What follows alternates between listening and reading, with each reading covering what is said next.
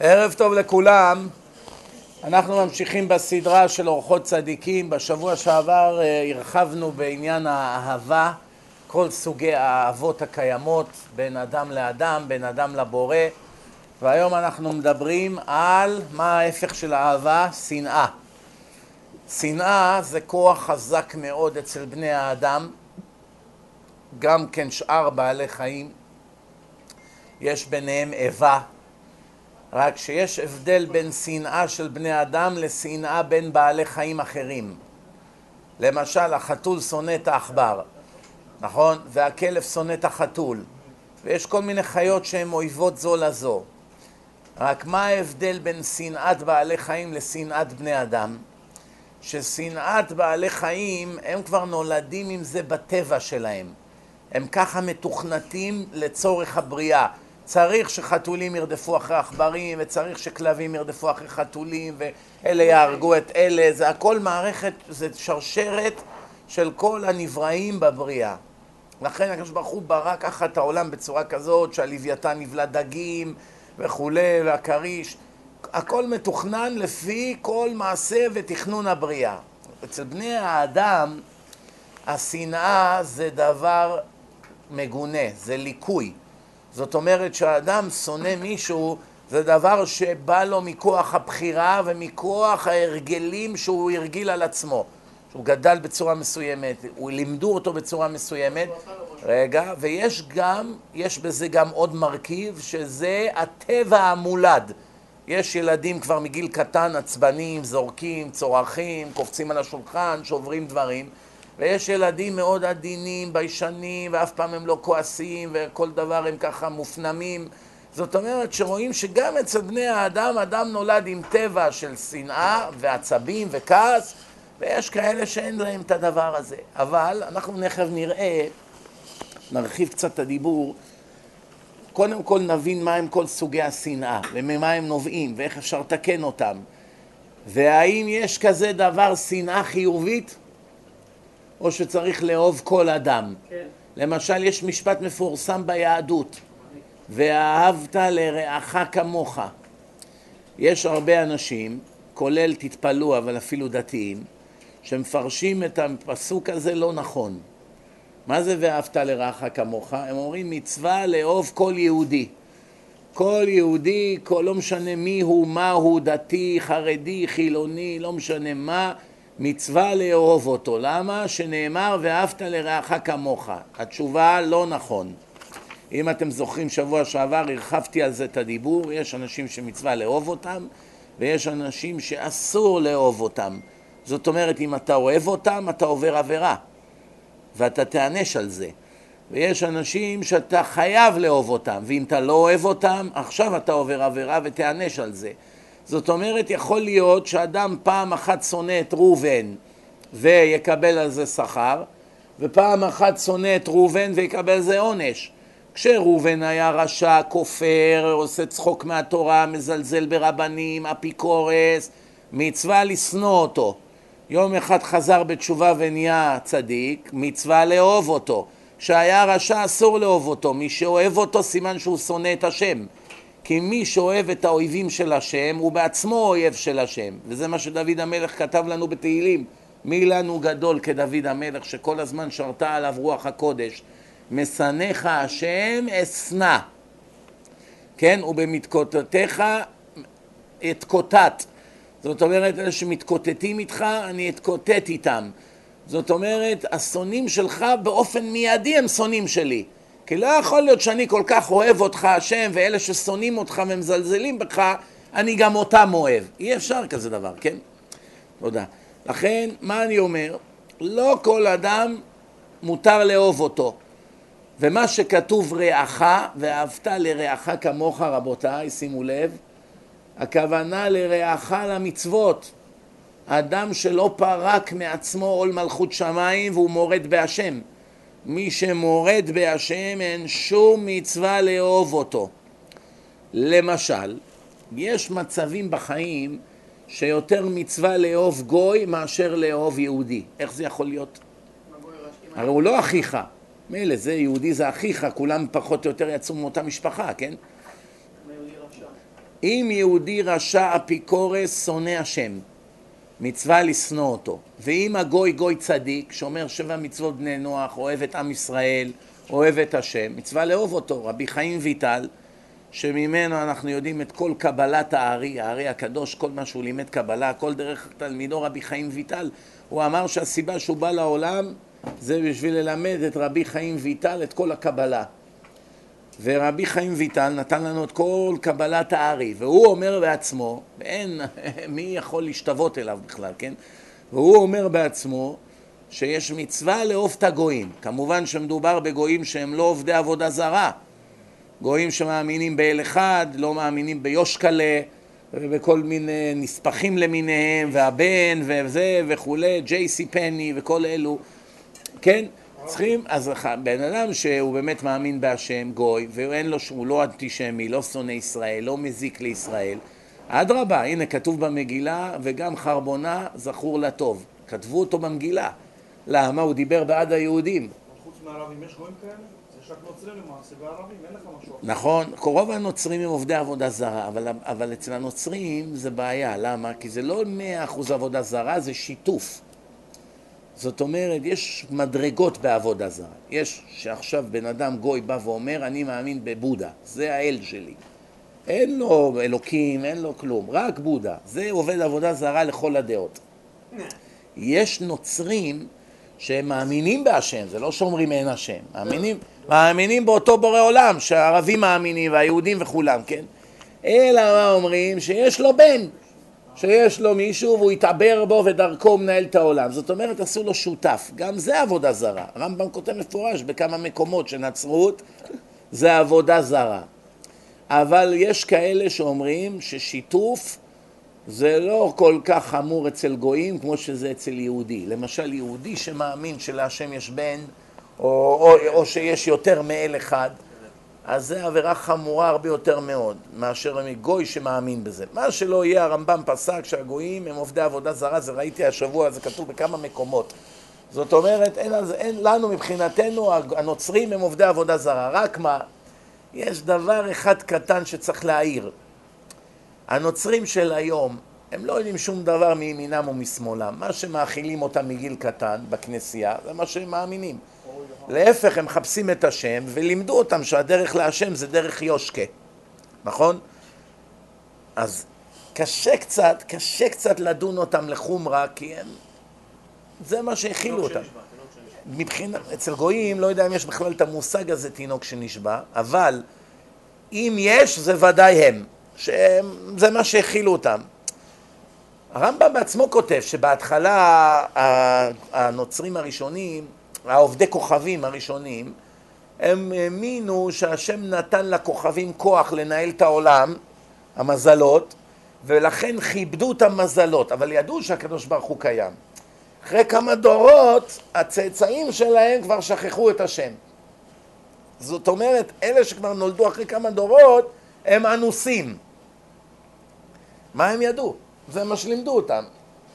זה לא כמו אלה שבחרו לעזוב את השם ולתלות את התפילות שלהם וכולי בכוכבים. טוב, נתקדם. כתוב בתורה, לא תשנא את אחיך בלבבך. כמובן שפה מדובר פורסט. לא תשנא את אחיך בלבבך. אם מתרגמים את התורה לידרלי, הכוונה מילולית, אז מה זה אחיך? אח שלך הביולוגי. יש לך אח, אסור לך לשנוא אותו בלבבך, אבל כמובן שזה לא הכוונה פה, אלא כל מי ששייך לעם שלך הוא בגדר אחיך. כי יש כמה פעמים בתורה שרואים שהתורה השתמשה במילה אחיך ומדובר על יזהר. שהלכת ברחוב וראית אה, אה, חמור, כל מיני דברים כאלה. הרבה פעמים התורה משתמשת במילה אחיך, רעך וכולי. עמיתך, תכף נראה מה ההבדל, מה, מה ההבדל בזה, תשמעו טוב. קודם כל, הוזהרנו להסיר מנפשנו את מידת השנאה. שנאה היא אסורה, זה איליגל, זה לא ליגלי. והיא מידה הגורמת עוונות הרבה. שנאה מביאה לעוונות אחרים, זה לא רק שזה נגמר בשנאה, זה מתפתח לעוד עבירות. למשל, לשון הרע. מיד איך שאתה שונא מישהו, מיד אתה מתחיל לדבר נגדו. ראית מה הוא עשה, איך הוא עושה וזה, ואיך הוא ככה, ואיך קידמו אותו, הוא לא מגיע לו, צריכים לפטר אותו וכולי. מתחיל להמציא עליו עלילות, שזה כבר מוציא שם רע, זה איסור יותר חמור מלשון הרע. לשון הרע זה אם הוא אומר עליו את האמת, וגם זה אסור לומר. ותמיד דורש רעה עליו ושמח לעדו. קודם כל הוא מאחל לו רע כל הזמן. מתי כבר ימות, מתי כבר יסתלק מפה, מתי, מתי, מתי. ושקרה לו משהו רע הוא עושה מסיבה. איזה מאושר הוא, הוא שמע שקרה לו משהו והוא בבית חולים או לא יודע מה. ומחמת השנאה יגנה את מעשיו הטובים. למשל, הוא רב עם איזה דתי. עכשיו הדתי הזה, נגיד שעשה לו עוול, נגיד. נגיד שלא כיבד אותו מספיק, נגיד שהוא שאל ממנו איזה כלי ולא החזיר בזמן, נגיד. אז עכשיו, הוא מרוב שהוא נכנס אליו שנאה, נכנס לו שנאה אליו, הוא כבר מעוות גם את כל הדברים הטובים שהדתי הזה עושה. מה, אתה באמת לא מאמין שהוא שומר שבת? אם תראה, תלך אליו הביתה, אתה תראה שגם שבת הוא לא שומר. ואני ראיתי אותו בחנות קונה בשר, וזה לא היה חלק, זה היה רבנות, מספר עליו כל מיני סיפורים. כל מה שהוא רק יכול להכפיש את שמו, הוא מכפיש את שמו, אפילו שהוא יודע שהוא משקר. ממציא עליו עלילות. יש לו ככה ואין לו ככה, והוא עשה ככה, כל עלילות. למה כל זה? כי לא, הוא לא מסוגל לראות שאנשים אחרים אוהבים את השונא שלו. איך הוא יפריד בין השונא שלו לשאר החברים? על ידי שגם הוא, יהיה, הוא יפסול את המעשים הטובים שלו. מה, הוא תורם כסף לבית הכנסת, עזוב אותך, הכל אינטרס, זה ככה, זה פה, זה זה, זה זה, זה, כל מיני סיפורים. אז זאת אומרת, הוא יעשה הכל כדי להשניא אותו בעיני אחרים.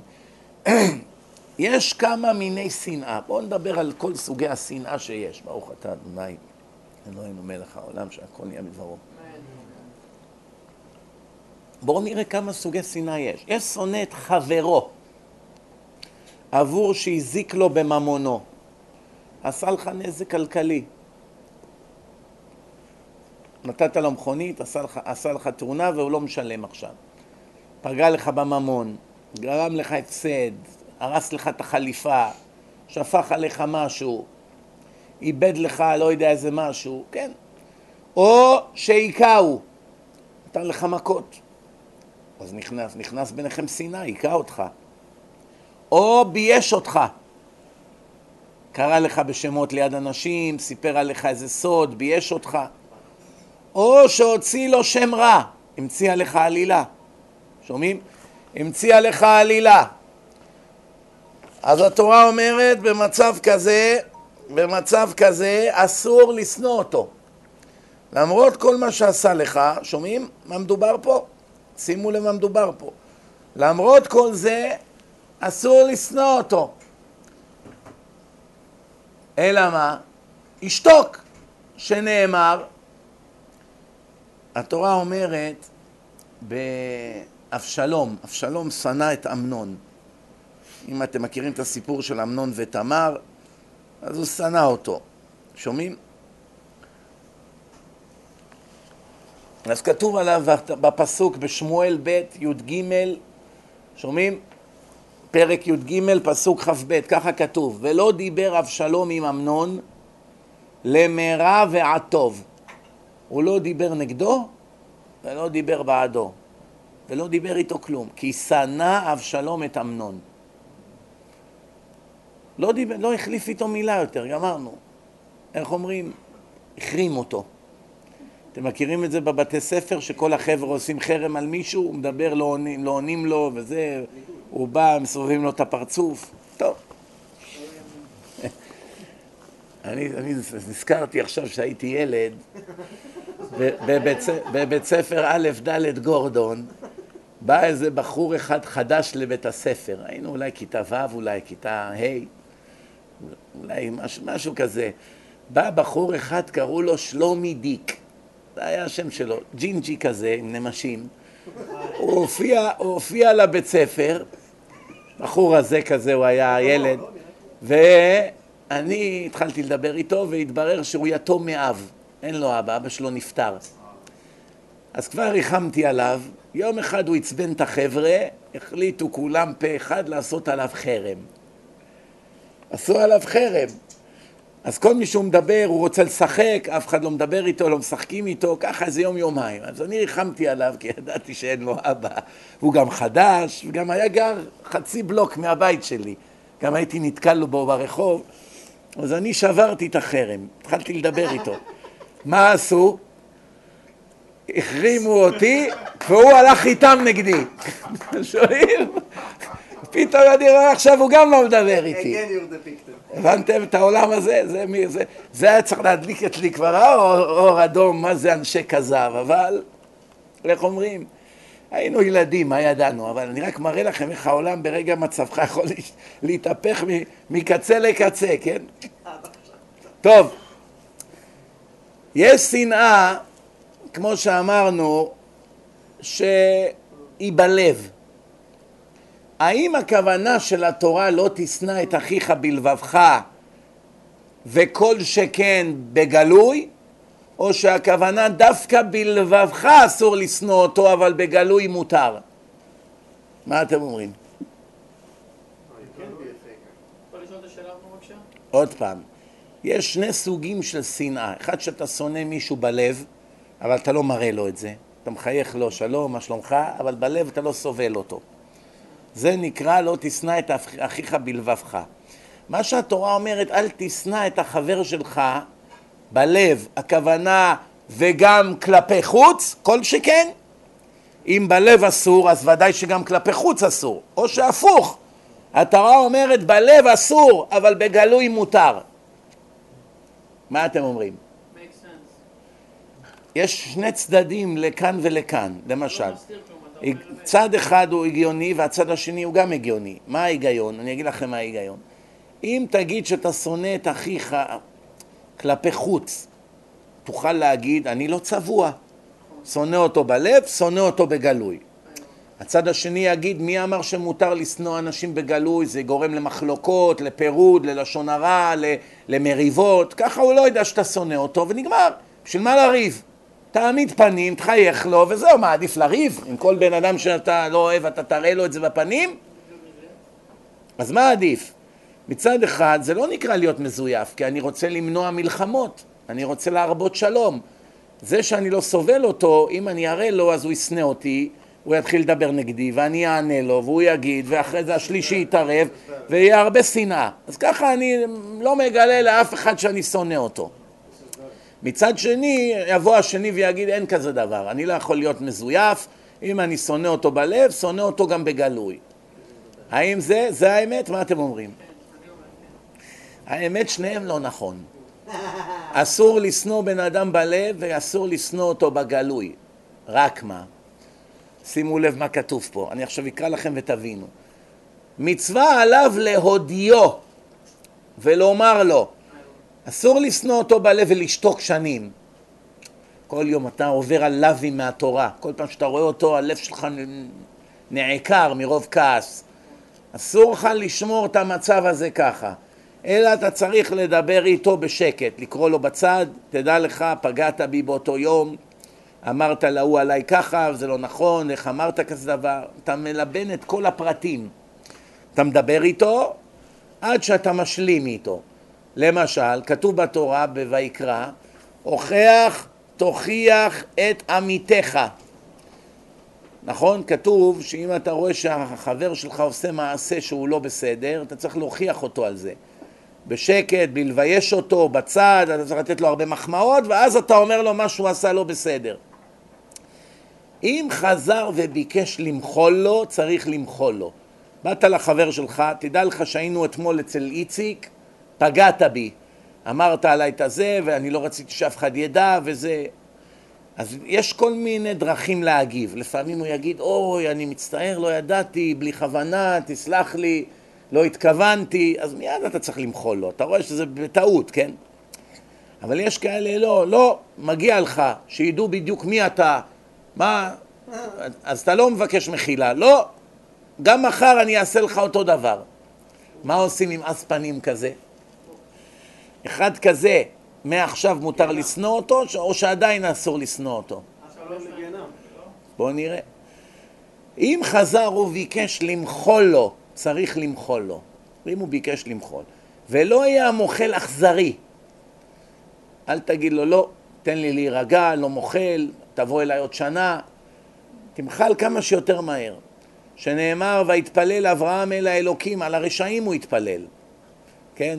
אולי יש צדיקים פה, השם אמר, אני אציל את כל העיר. ואברהם המשיך והשתדל. ואף אם לא יבקש ממנו למחול לו, לא ישנאהו. גם אם הוא כזה אגואיסט, ואין לו, הוא לא מתבייש, הוא לא מבקש מחילה, לא כלום, גם כן אל תשנא אותו, אלא יתנהג עמו באהבה. למה? ולבסוף יבוא לידי כך שיתקן לו מה שעיוות. הוא יראה ככה, ויגיד, תראה איזה גבר זה. למרות שאמרתי לו ככה וזה, המשיך להתנהג אליי יפה, ולא דיבר נגדי ולא זה. יש איזו נקודה שהוא התבייש. וגם אם לא, לא הפסדת. למה לא הפסדת? לא, אסור להחזיק בפנים. צריך להגיד לו. אם עזר, טוב, לא עזר, גם טוב, אסור לשנוא אותו. אסור להחזיק את השנאה בלב. אז השאלה היא כזאת, אם אחרי כל זה הוא עדיין לא ביקש מחילה, ועברו שנים והוא ממשיך בדרכו, למה לא הפסדת? יוצא שכן הפסדת. באת, הוכחת אותו, לא שנאת אותו חזרה, לא דיברת נגדו, לא כלום, ובסוף הוא ממשיך לרמוס אותך. אז מה, מה יש בזה? מה, יש מצווה מהתורה להיות מטומטם, שאנשים ירדרכו עליך? שיהרסו לך את החיים, שימציאו עליך סיפורים ועלילות? מה? אז כמובן שהאדם יש לו זכות לפרסם מהי האמת. אם הוא במדרגה גבוהה, הוא שותק. שומעים חרפתם ואינם משיבים. זו מדרגה גבוהה מאוד. מה זה שומעים חרפתם ואינם משיבים? שיש לו מה להשיב, והוא שותק. לא שאין לו, אם אין לו אז בטח שהוא ישתוק. מה? תפסו אותו על חם. לא מגיע לו שום פרס על זה שהוא שותק. אלא על מי מדובר שומעים חרפתם ואינם משיבים? אומרים לו, אתה היית שם אתמול, ראיתי אותך, אל תשקר. ויש לו אליבי. ראיתי אותך בבר, מה אתה עושה את עצמך צדיק? אתמול הייתי שם, ראיתי אותך. וזה לא היה הוא. הוא בכלל היה במקום אחר ויש לו הוכחה, הוא יכול לחשוב לשנייה, לטלפן לישיבה. איפה הייתי אתמול בין שמונה לעשר? למדת אצלנו פה בישיבה. הוא ראה מישהו דומה לו, מאשים אותו, מעליל עליו, והוא שותק. זה משהו אחר. עכשיו השאלה היא כזאת, את, אתם יודעים, ההלכות האלה הן מאוד מסובכות, כי לפעמים צריך לדעת מתי אסור לשתוק. למשל, אם עכשיו יוציאו לך שם, יהרסו לילדים שלך את השידוכים, מותר לשתוק? מילא על עצמך, לא אכפת לך, אנשים יבזו אותך, ירקו עליך ברחוב, אתה יודע שאתה חף מפשע, אתה אומר כפרת עוונות יותר טוב, הכי טובה שיש, לפחות במקום להיות בגיהנום אני אקבל פה. אבל האם יש לו רשות לשתוק כשהורסים לאשתו ולילדים גם כן את החיים? אתה יכול להיות צדיק בדם של אנשים אחרים? הרי אם אתה שותק, הם מפרשים את זה כאילו אתה מודה. אז מי ישלם את המחיר? הילדים שלך. מובן מה אני אומר או לא? צריך לדעת. אומר ככה, יש שנאה שהיא רעה ממנה והיא שנאת חינם, ועל זה נחרב בית המקדש השני. מה זה שנאת חינם? baseless hatred. איך יש כזה דבר baseless hatred? מה זה שנאת חינם? אני לא ראיתי בחיים שלי בן אדם שונא מישהו סתם. תמיד הוא ייתן סיבה. בא לשמעון, תגיד, למה אתה שונא את ראובן? לא סובל איך שהוא מתלבש. סיבה מטומטמת, אבל סיבה. נכון? אז זו סיבה. לא אוהב איך שהוא מתלבש. לא אוהב את הקול שלו. לא אוהב את המבטא שלו, לא אוהב את העדה שלו. זה בחינם. אבל אתה לא שונא אותו, אתה פשוט לא חינם. אם זה כאלה סיבות, זה לא שנאה, זה פשוט אתה לא מתחבר. אתה לא שונא אותו, אתה שונא... שנאה זה אם הוא עשה... יש הבדל לא מתחבר, ואתה בפינה שלך והוא בפינה שלו, לבין שאתה פועל נגדו. מה, תשנא אותו על הליבוש שלו? או, אז אתה רואה שכן יש את הדברים האלה. אין, אבל זה חינם, זה בחינם. אז השאלה מה, ממתי זה נחשב שנאת חינם? קרה לך פעם ששנאת מישהו סתם? הכל אצלו בסדר, לבוש בסדר, מבטא בסדר. פרצוף שלו בסדר. סתם הסתכלת עליו והרגשת אליו שנאה. אנרג'י, דמיונות, עזוב אותנו מזה. אני מדבר עכשיו סתם, נכנס לך שנאה למישהו סתם. לא עשה לך שום דבר, לא עשה לאף אחד שום דבר. סתם, אתה רואה איזה מישהו יושב בתחנת אוטובוס, באת לשם, מסתכל עליו, ונכנס אליך, לך אליו שנאה.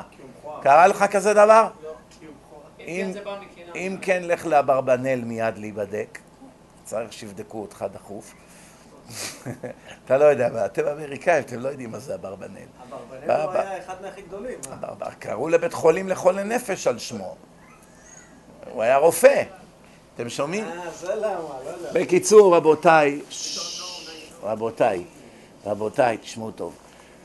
מה זה שנאת חינם? שאתה שונא בן אדם על כלום, אבל אין כזה דבר שאתה שונא על כלום. כל מי שישאלו אותו, הוא ייתן תשובה. חבר אותו למכונת אמת. תגיד, למה אתה שונא אותו? לא אוהב את הצבע העור שלו. המכ... המכונה תראה שאתה צודק. אלא, מה זה שנאת חינם? דברים שהתורה הזהירה שאסור לשנוא בן אדם עליהם, ואתה בכל זאת עושה, זה שנאת חינם. למשל, האם מותר לשנוא בן אדם בגלל שהוא נולד במדינה מסוימת? מה הוא אשם? ככה השם החליט. השם החליט שהוא ייוולד במדינה הזאת. מותר לשנוא אותו בגלל שהוא נולד שם? ודאי שלא. מותר לשנוא אותו בגלל צבע העור שלו? אז זאת אומרת, ברגע שאתה שונא את זה, אתה בעצם נגד השם. כמו שאמר אותו מכוער לבן של רבי שמעון בר יוחאי רבי אלעזר, אם אתה חושב שאני מכוער, לך לאומן שעשאני, לך לזה שעשה אותי ככה. זאת אומרת, הבעיה שלך היא לא איתי, היא עם השם. נכון? דרך אגב, גם על ארץ ישראל צריך מאוד להיזהר לא לדבר לשון הרע, הרבה זמן, הרבה פעמים אנחנו לא שמים לב. בא, אתה חוזר מהארץ, אנשים שואלים אותך איך היה בארץ, וואו, איזה חום, איזה לחות, איזה זה, איזה קשה, איזה עצבים, אנשים לחוצים, צריכים להיזהר מזה. הנה הפרשה האחרונה הייתה, המרגלים דיברו לשון הרע על הארץ. יש הבדל בין לשון הרע על המדינה, יש הבדל בין לשון הרע על האנשים, ויש הבדל בין לשון הרע על הארץ. המרגלים שדיברו לשון הרע על הארץ, דיברו לשון הרע על הארץ או דיברו לשון הרע על האנשים שגרים בארץ? על הארץ עצמה. על שתיהם, על שתיהם, על הכל. אדם, אדמה, נכון? על הכל. הם אמרו שיש גויים גדולים, לא מפחידים. הם אמרו שיש שם ענקים. ארץ אוכלת יושביה, הכוונה, הם התכוונו שאנשים, כל יום יש לוויות. כל מה שהם בעצם דיברו זה נגד הגויים שגרים שם. הם לא אמרו שהאדמה של ארץ ישראל היא לא טובה, עובדה שהם הביאו פירות גדולים משם. זה מראה שזה ארץ זבת חלב ודבש. הם לא אמרו חם שם, קר שם, יותר מדי גשם, אין מספיק גשם, הם לא דיברו על הארץ. על מי הם דיברו? רגע, על מי הם דיברו? לשון הרע זה רק כשאתה אומר את האמת, אם לא זה נקרא מוציא שם רע. הם בעצם אמרו לשון הרע על הגויים, אז מה השם כל כך כועס? גויים האלה כולם היו עובדי עבודה זרה, שבעה עמים, כולם עובדי אלילים, מותר לדבר לשון הרע על גויים. אז מה השם כועס על המרגלים? מה הם עשו? אמונה, אמונה. הם סיפרו מה שהגויים עושים. לא. הם, הם דיברו שם על ה... אלא מה? ברגע שהלשון הרע שלך מונע מאינטרסים אישיים, עכשיו אתה מתחיל להגיד כל מיני דברים כדי להפחית את האנשים שלא ירצו להיכנס לארץ. והשם משתוקק לתת לנו את ארץ זבת חלב ודבש, ואתה מחבל לקדוש ברוך הוא בכוונה בתוכנית, למרות שאתה יודע שהוא כל כך רוצה את זה, אין רשע יותר גדול ממך. אני רוצה שייכנסו לארץ ואתה מונע את זה? שומעים או לא? זה כמו היום בימינו, הקדוש ברוך הוא אמר אסור להיות גיי. אסור משכב זכר, אסור כל הדברים האלה. ועומדים לך כל מיני ליצנים שקוראים לעצמם רבנים, ואומרים זה התפתחות חיובית לאנושות. שומעים? כמו החולה הזה שחיתן שני גברים, הרפורמי הזה, ששולחים את זה היום בהודעות. אוי לבושה ואוי לכלימה. שם על עצמו טלית, שם על עצמו טלית וכיפה, ועושה להם ברכת כהנים לשני הגאים. אוי לבושה ואוי לכלימה. אני מתפלא, אני כל הזמן מתפלא בתוכי, אני אומר, ריבונו של עולם, אתה ענק. איך יש לך סבלנות לכאלה אנשים? לכל כך הרבה סוטים, לכל כך הרבה רשעים, לכל כך הרבה שונאי דת, לכל כך הרבה כפויי טובה שיש בתוכנו. איך יש לך סבלנות? איך? מאיפה באה הסבלנות הזאת? זה מדהים, זה פשוט לא יאומן כי יסופר. באים לך 200 אלף סוטים ערומים, רוקדים ברחובות, מטמאים את כל הארץ, והקדוש ברוך הוא שותק. ולא יאומן כי יסופר, פשוט לא יאומן כי יסופר. רק מה, ההיסטוריה מלמדת שגם בין לבין, בין טרגדיה לטרגדיה, גם אז הקדוש ברוך הוא שתק. זה לא היה כל שבוע שואה, כן? בית מקדש אחד, בית מקדש שני, היה מאות שנים ביניהם. בית מקדש ראשון, אחר כך היה נחרב, 70 שנה, רק אחרי 420 שנה, כמעט 500 שנה לקח עד שנחרב השני. 500 שנה זה הרבה סבלנות. זאת אומרת, הקדוש ברוך הוא הבליג המון עד שהנחית המכה.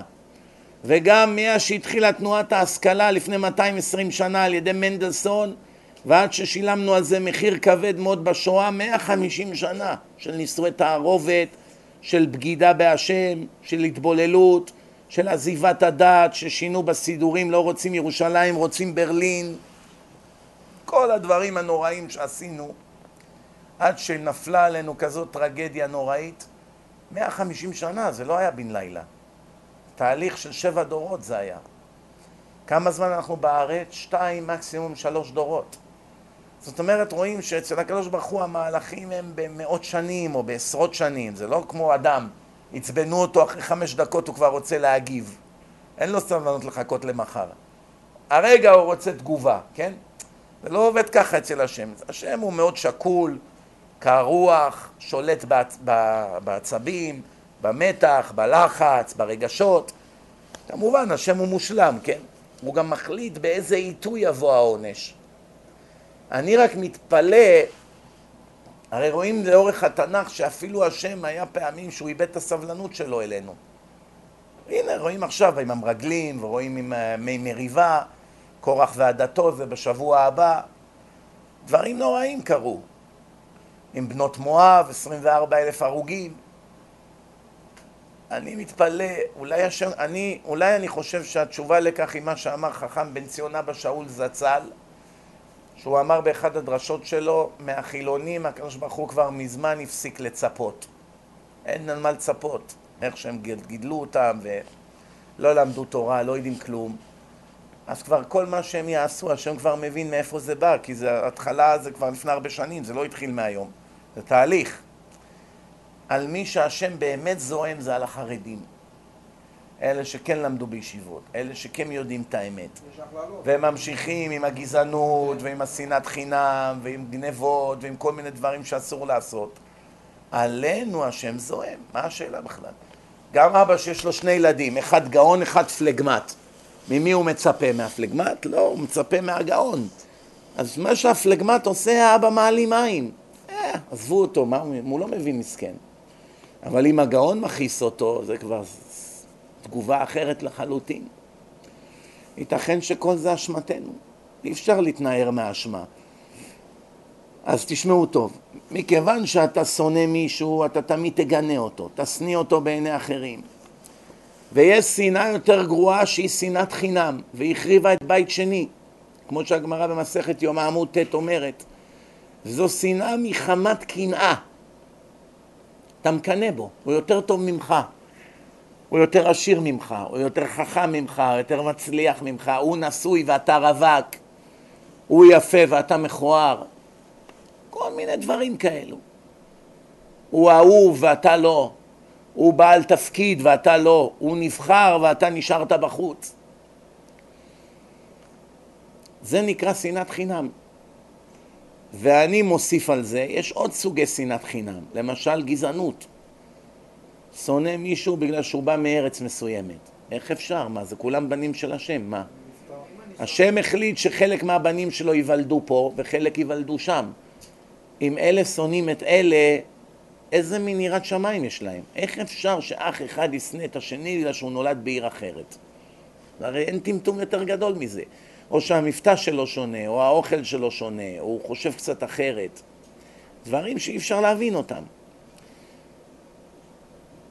שנאה כזאת של חוסר כבוד וזלזול בזולת, לא פלא שהביאה עלינו חורבן של בית שני, ועד היום לא נבנה מחדש.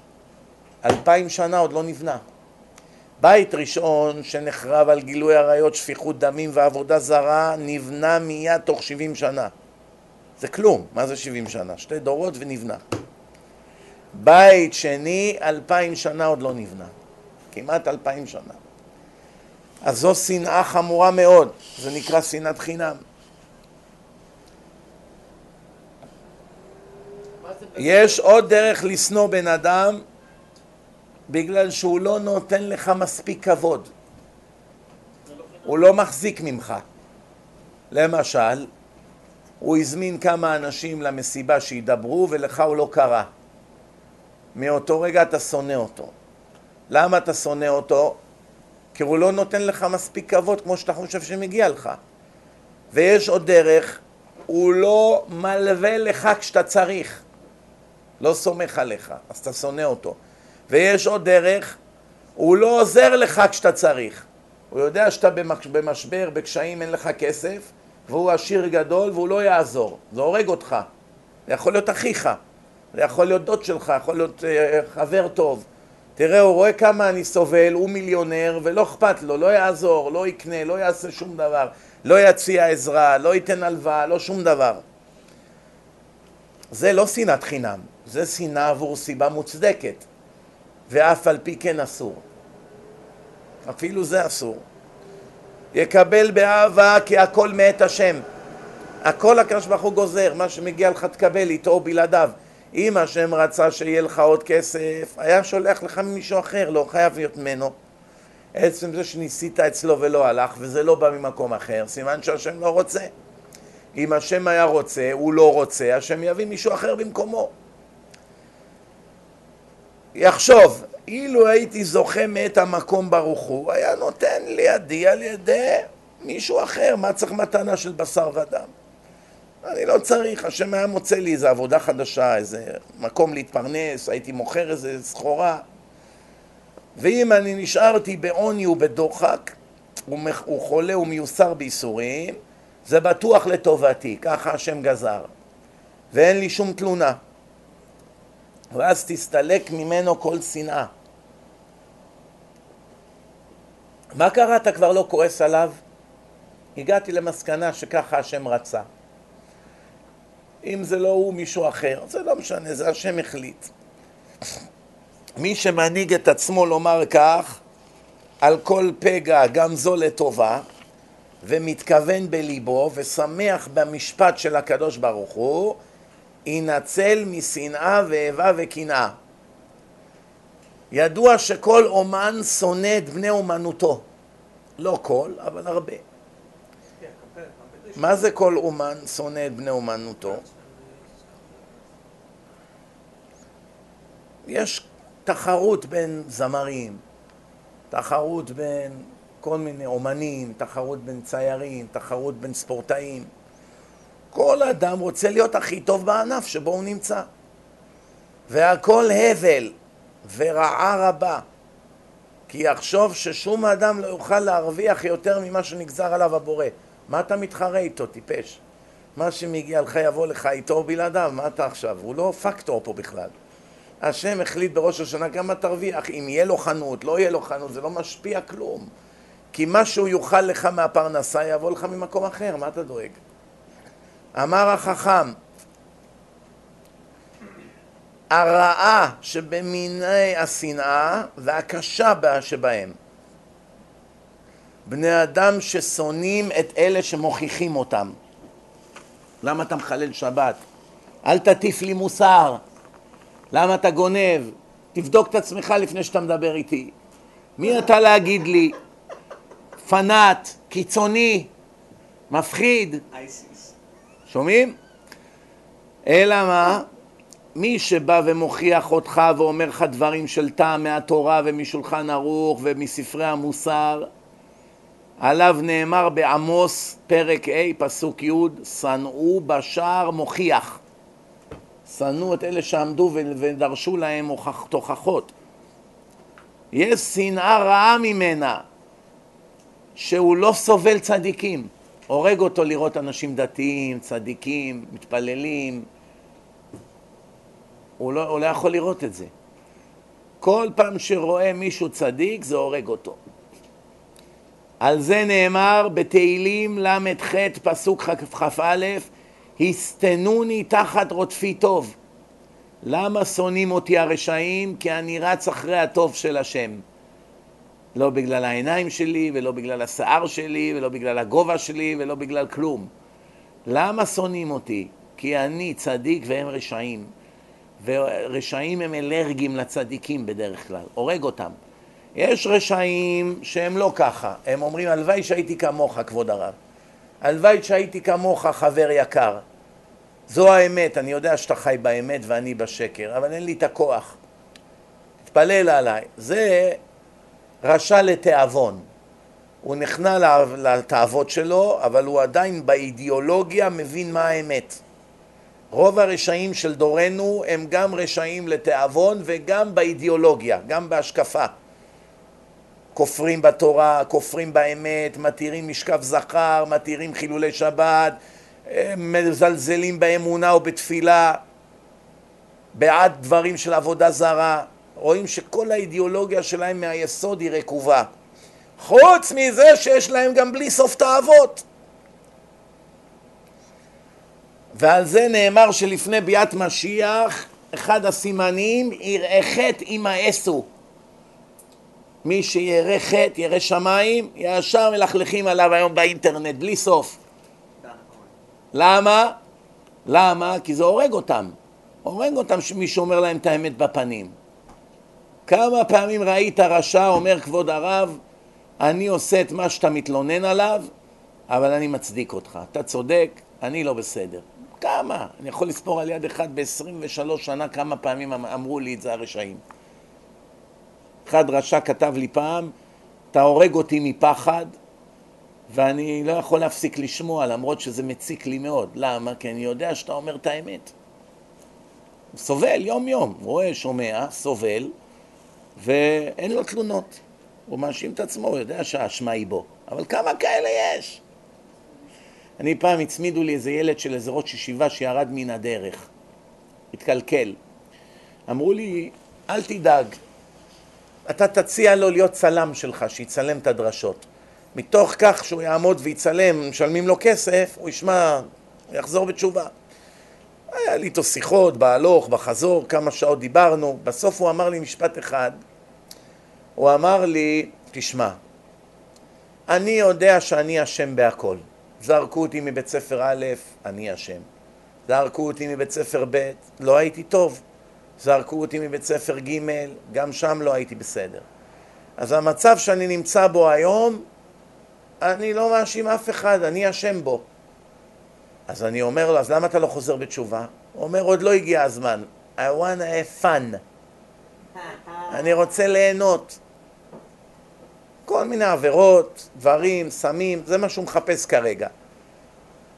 אבל אמרתי לו, אני יודע שאתה תחזור בתשובה. יש כאלה לא יודע, אולי כן, אולי לא, אבל לך אני יודע שכן. הוא אומר, איך אתה יודע? מסתכל עליי ככה בחשדנות. אמרתי לו, כי בדרך כלל בחורים בגילך, גיל 16-17, שמדברים איתם, אבא שלי אשם, ההורים שלי הרסו לי את החיים, זה הרב הזה זרק אותי, זה הוא הרס אותי, זה זה, זה ככה. אתה לא האשמת אף אחד. מתחילת השיחה ועד עכשיו לקחת אחריות מלאה על מעשיך.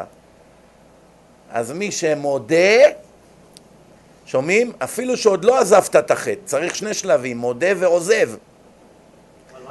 אתה עוד לא עזבת, אבל חצי מהתשובה כבר יש לך. מודה זה חצי ועוזב זה עוד חצי.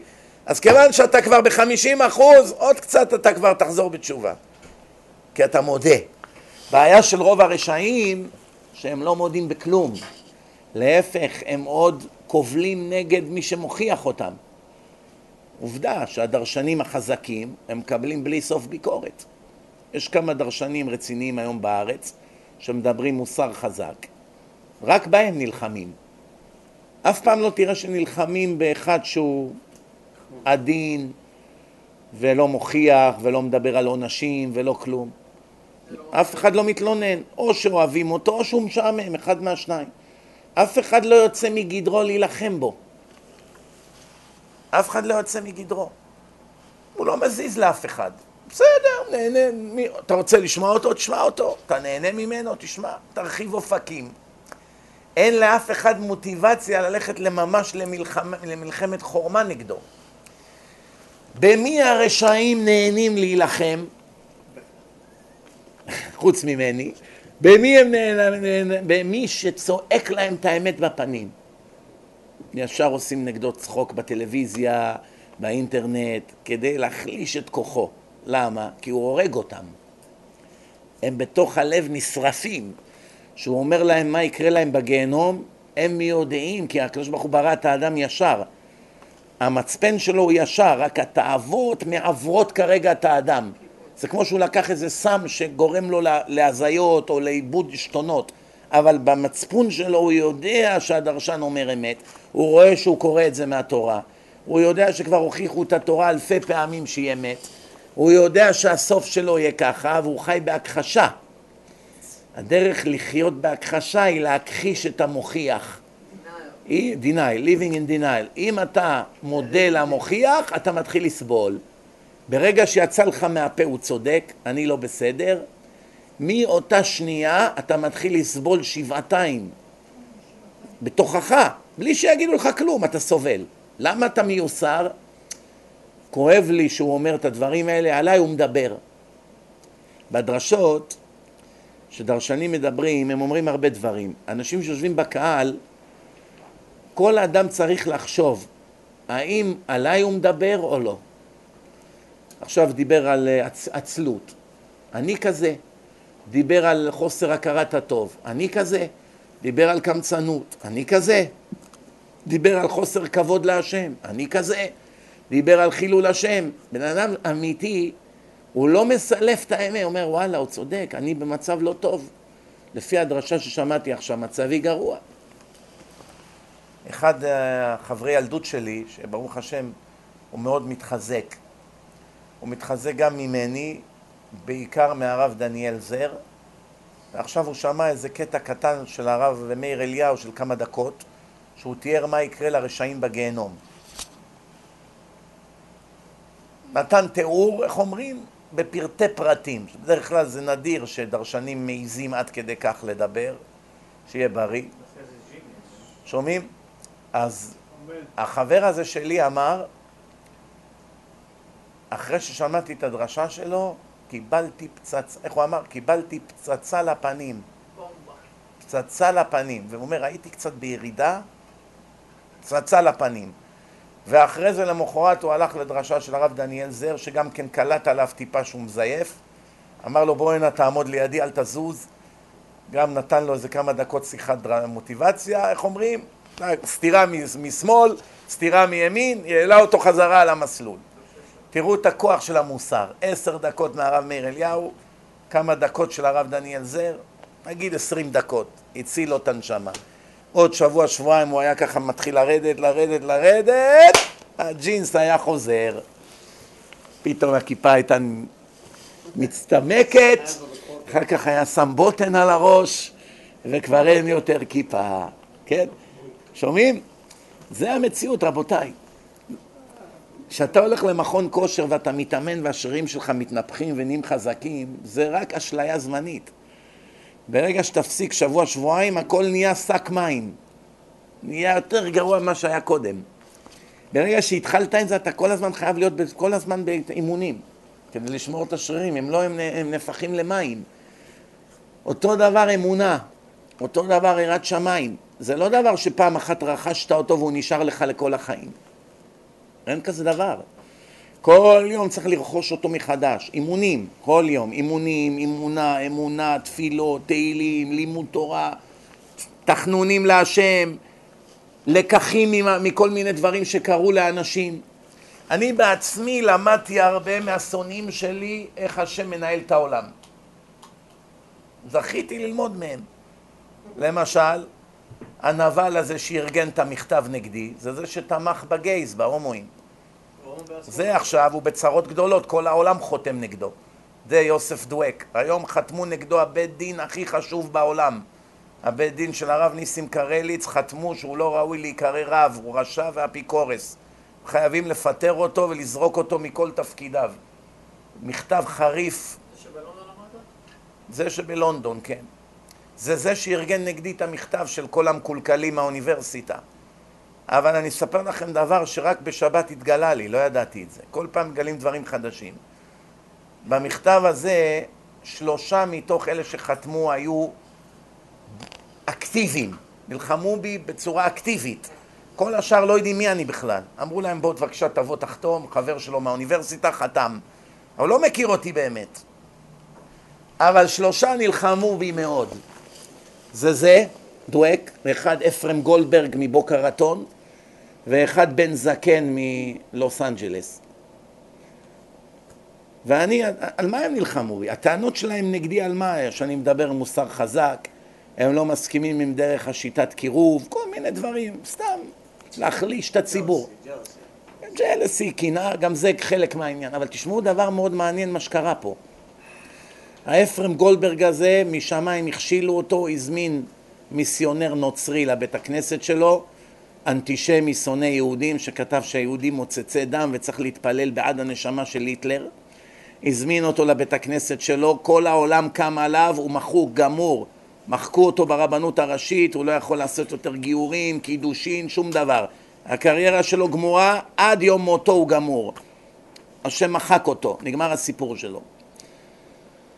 זה עכשיו דואק שארגן את המכתב, הוא חוטף הכי הרבה מכולם, הוא, הוא מוחרם בכל העולם. אפילו הרב שלו, הרב יצחק יוסף, הרב הראשי לישראל, כתב עליו שהוא אפיקורס ולא ראוי להיות רב. אין בושה יותר גדולה מזאת שאחד שלמדת אצלו בישיבה חותם עליך מכתב שאתה רשע ואתה לא ראוי ללמד. ויש את השלישי בן זקן. בן זקן הזה, כשנסעתי ללוס אנג'לס, הוא הפך עולמות כדי לבטל לי שם את הדרשות. הרג את עצמו, מסר נפש, ארגן אנשים, אסף, נסע, רץ, כתב מכתבים. דרשה אחת שהייתה צריכה להיות לי, הוא הצליח לבטל. שומעים? יש איזה רב אחד צדיק, הרב לואי, הוא שמע ככה, הוא אמר אל תדאג תעשו אצלנו, הכל יצא לטובה בסוף, מקום יותר גדול. אבל תראו מה קרה, זה לא ידעתי. הוא גם כן כתב במכתב. בשבת היה לי אורח מלוס אנג'לס, תלמיד חכם שלומד פה בישיבה עכשיו, התחתן. הוא אומר לי, מה, אתה לא יודע מה קרה לו? אמרתי לו, לא. הוא אומר בדיוק כמה ימים אחרי שהוא חתם אחרי המכתב, הוא קיבל שבץ במוח והוא גמור. הוא לא יכול לזוז, הוא משותק. כל השלושה שהיו אקטיביים, השם מחק אותם. מה עם השאר שחתמו? גם זמנם יגיע. אבל עד שיגיע, השם יודע מתי. הם פחות אשמים, כי הם לא יודעים. אמרו להם בוא תחתום. גם כן, אדם צריך להיות חכם. מה אתה חותם? אתה יודע על מי אתה חותם? מה אתה יודע? אתה יודע מה הנזקים שיצא מזה? להגיד שהשיטה הזאת של ההחזרה בתשובה היא לא טובה. Or- לא, לא, כבר כמובן שמדברים עליי, אבל אתה יודע, הם מסתם גם ידברו על כל מיני דרשנים אחרים שמדברים חזק, כן? בקיצור, אנחנו רואים איך הקדוש ברוך הוא מנהל את העולם. בצורה כזאת, נגד כל הסיכויים, זה חשב שהוא המלך של העולם, נותנים לו משכורת של מיליון דולר בחודש, השוטים האלה בלונדון, בשנה, סליחה. משכורת של מיליון דולר משלמים לרשע הזה בלונדון, שיבוא ילמד אותם, מה הוא מלמד בבית הכנסת, אתם יודעים? ספרי כפירה. כל חודש הוא בוחר ספר של אתאיסט אחר? והוא מלמד אתאיזם בבית הכנסת. ככה אמר הרב אלי מנסור, שמעתי במו אוזניי. יש לו The Book of the Month. כל חודש הוא בוחר ספר של איזה אתאיסט שמכחיש את השם ומכחיש את התורה, ומלמד את זה בבית הכנסת ביום יום. וראיתי אפילו בעיניים שלי קטע משיעור כזה. יושבים שם כל מיני זקנים, והוא מלמד אותם אתאיזם. עכשיו אתה מבין למה אחד כמוני הוא שונא אותו שנאת מוות. אם הוא אוהב אתאיסטים וגייז, איך הוא יכול לאהוב אותי? הרי אני מדבר נגד זה כל דרשה. לא? תשמע, בכלל? יש רבנים בכנסיות גם. יש רבנים ברפורמים, יש קונסרבטיבים, יש בכנסיות. יש כל מיני סוגים שקוראים לעצמם רבנים. רבנים, עם עין. מובן? זאת אומרת, רבותיי, ש- תשמעו טוב. על זה דוד המלך כתב, יש שנאה שהיא מצווה. איך יכולה להיות שנאה מצווה, מיכאל? מתי זה מצווה? בואו נראה. כגון, כגון אדם רשע שאינו מקבל תוכחה. אתה בא למישהו, אומר לו, אסור לחלל שבת, זה עבירה חמורה, זה עונש גרוע, זה זה. עזוב אותי, נו, מספיק כבר. הוא לא מקבל תוכחה. שנאמר במשלי ח' י"ג, יראת השם שנאת רע. אתה יודע מה הראייה שאתה ירא שמיים? שאתה שונא את הרע שהרשעים עושים. כשאתה רואה הארץ מלאה במכוניות בשבת זה הורג אותך, זה סימן שאתה ירא שמיים. כשאתה רואה שני גברים מתחתנים ועומד איזה ליצן רפורמי, רב רפורמי, ועושה להם ברכת כהנים ונותן להם לשבור כוס, שותה כזה, רשע. כשאתה רואה כזה דבר זה מרתיח לך את הדם, סימן שאתה ירא שמיים. וכתוב מפורש בתהילים קל"ט, שומעים פסוק כ"א וכ"ב, על עום משנאיך השם אשנא. מי ששונא אותך השם, אני שונא אותו, כי אני אוהב אותך. אם לא הייתי אוהב אותך, לא הייתי שונא אותו. בגלל שאני אוהב אותך, אני לא יכול לסבול אותו. כי הוא מדבר נגדך, הוא עושה דברים נגדך, הוא מסלף את התורה שלך, הוא נלחם נגד עבדיך. אם היה משה רבנו קיים בימינו ומישהו היה הולך להילחם בו, היית יכול לשבת בשקט? נגיד שעכשיו היית יושב באיזה עסקה בתל אביב ועומד לסגור איזו עסקה יפה ופתאום אומרים לך איזה מישהו מתקיף את משה רבנו פה למטה. כמו טיל, מהחלון היית קופץ, נכון? אם היו עושים את זה לבבא סאלי, גם כן היית רץ. לרב עובדיה, גם היית רץ. לרב שלך, גם היית רץ. גם לרבנים הצעירים, גם היית רץ. למה? כי אתה אוהב את השם. אין לך כלום עם הרב, מה לך ולא? כואב לך כאב של השם. אז אתה רץ. פנחס, למה הרג את זמרי בן סלו? הרג יהודי שבעל גויה. שיפד את שניהם במקום ליד כולם. אתם יודעים איזה בושה זאת לקחת כידון ולרצוח נשיא רב ראשי. מה זה נשיא? נשיא שבט. מה זה ילד קטן? זה נשיא, נשיא של שבט, עשרות אלפים תחתיו. הוא מלך, הוא כמו מלך. בוא עם כידון, תוקע אותו ומוציא אותו ערום ככה החוצה, ליד כולם. קודם כל צריך אומץ אדיר בשביל כזה דבר. להרוג בן אדם, מה זה קל? אפילו שמגיע לו, זה קל? מה זה קל להוציא מישהו להורג?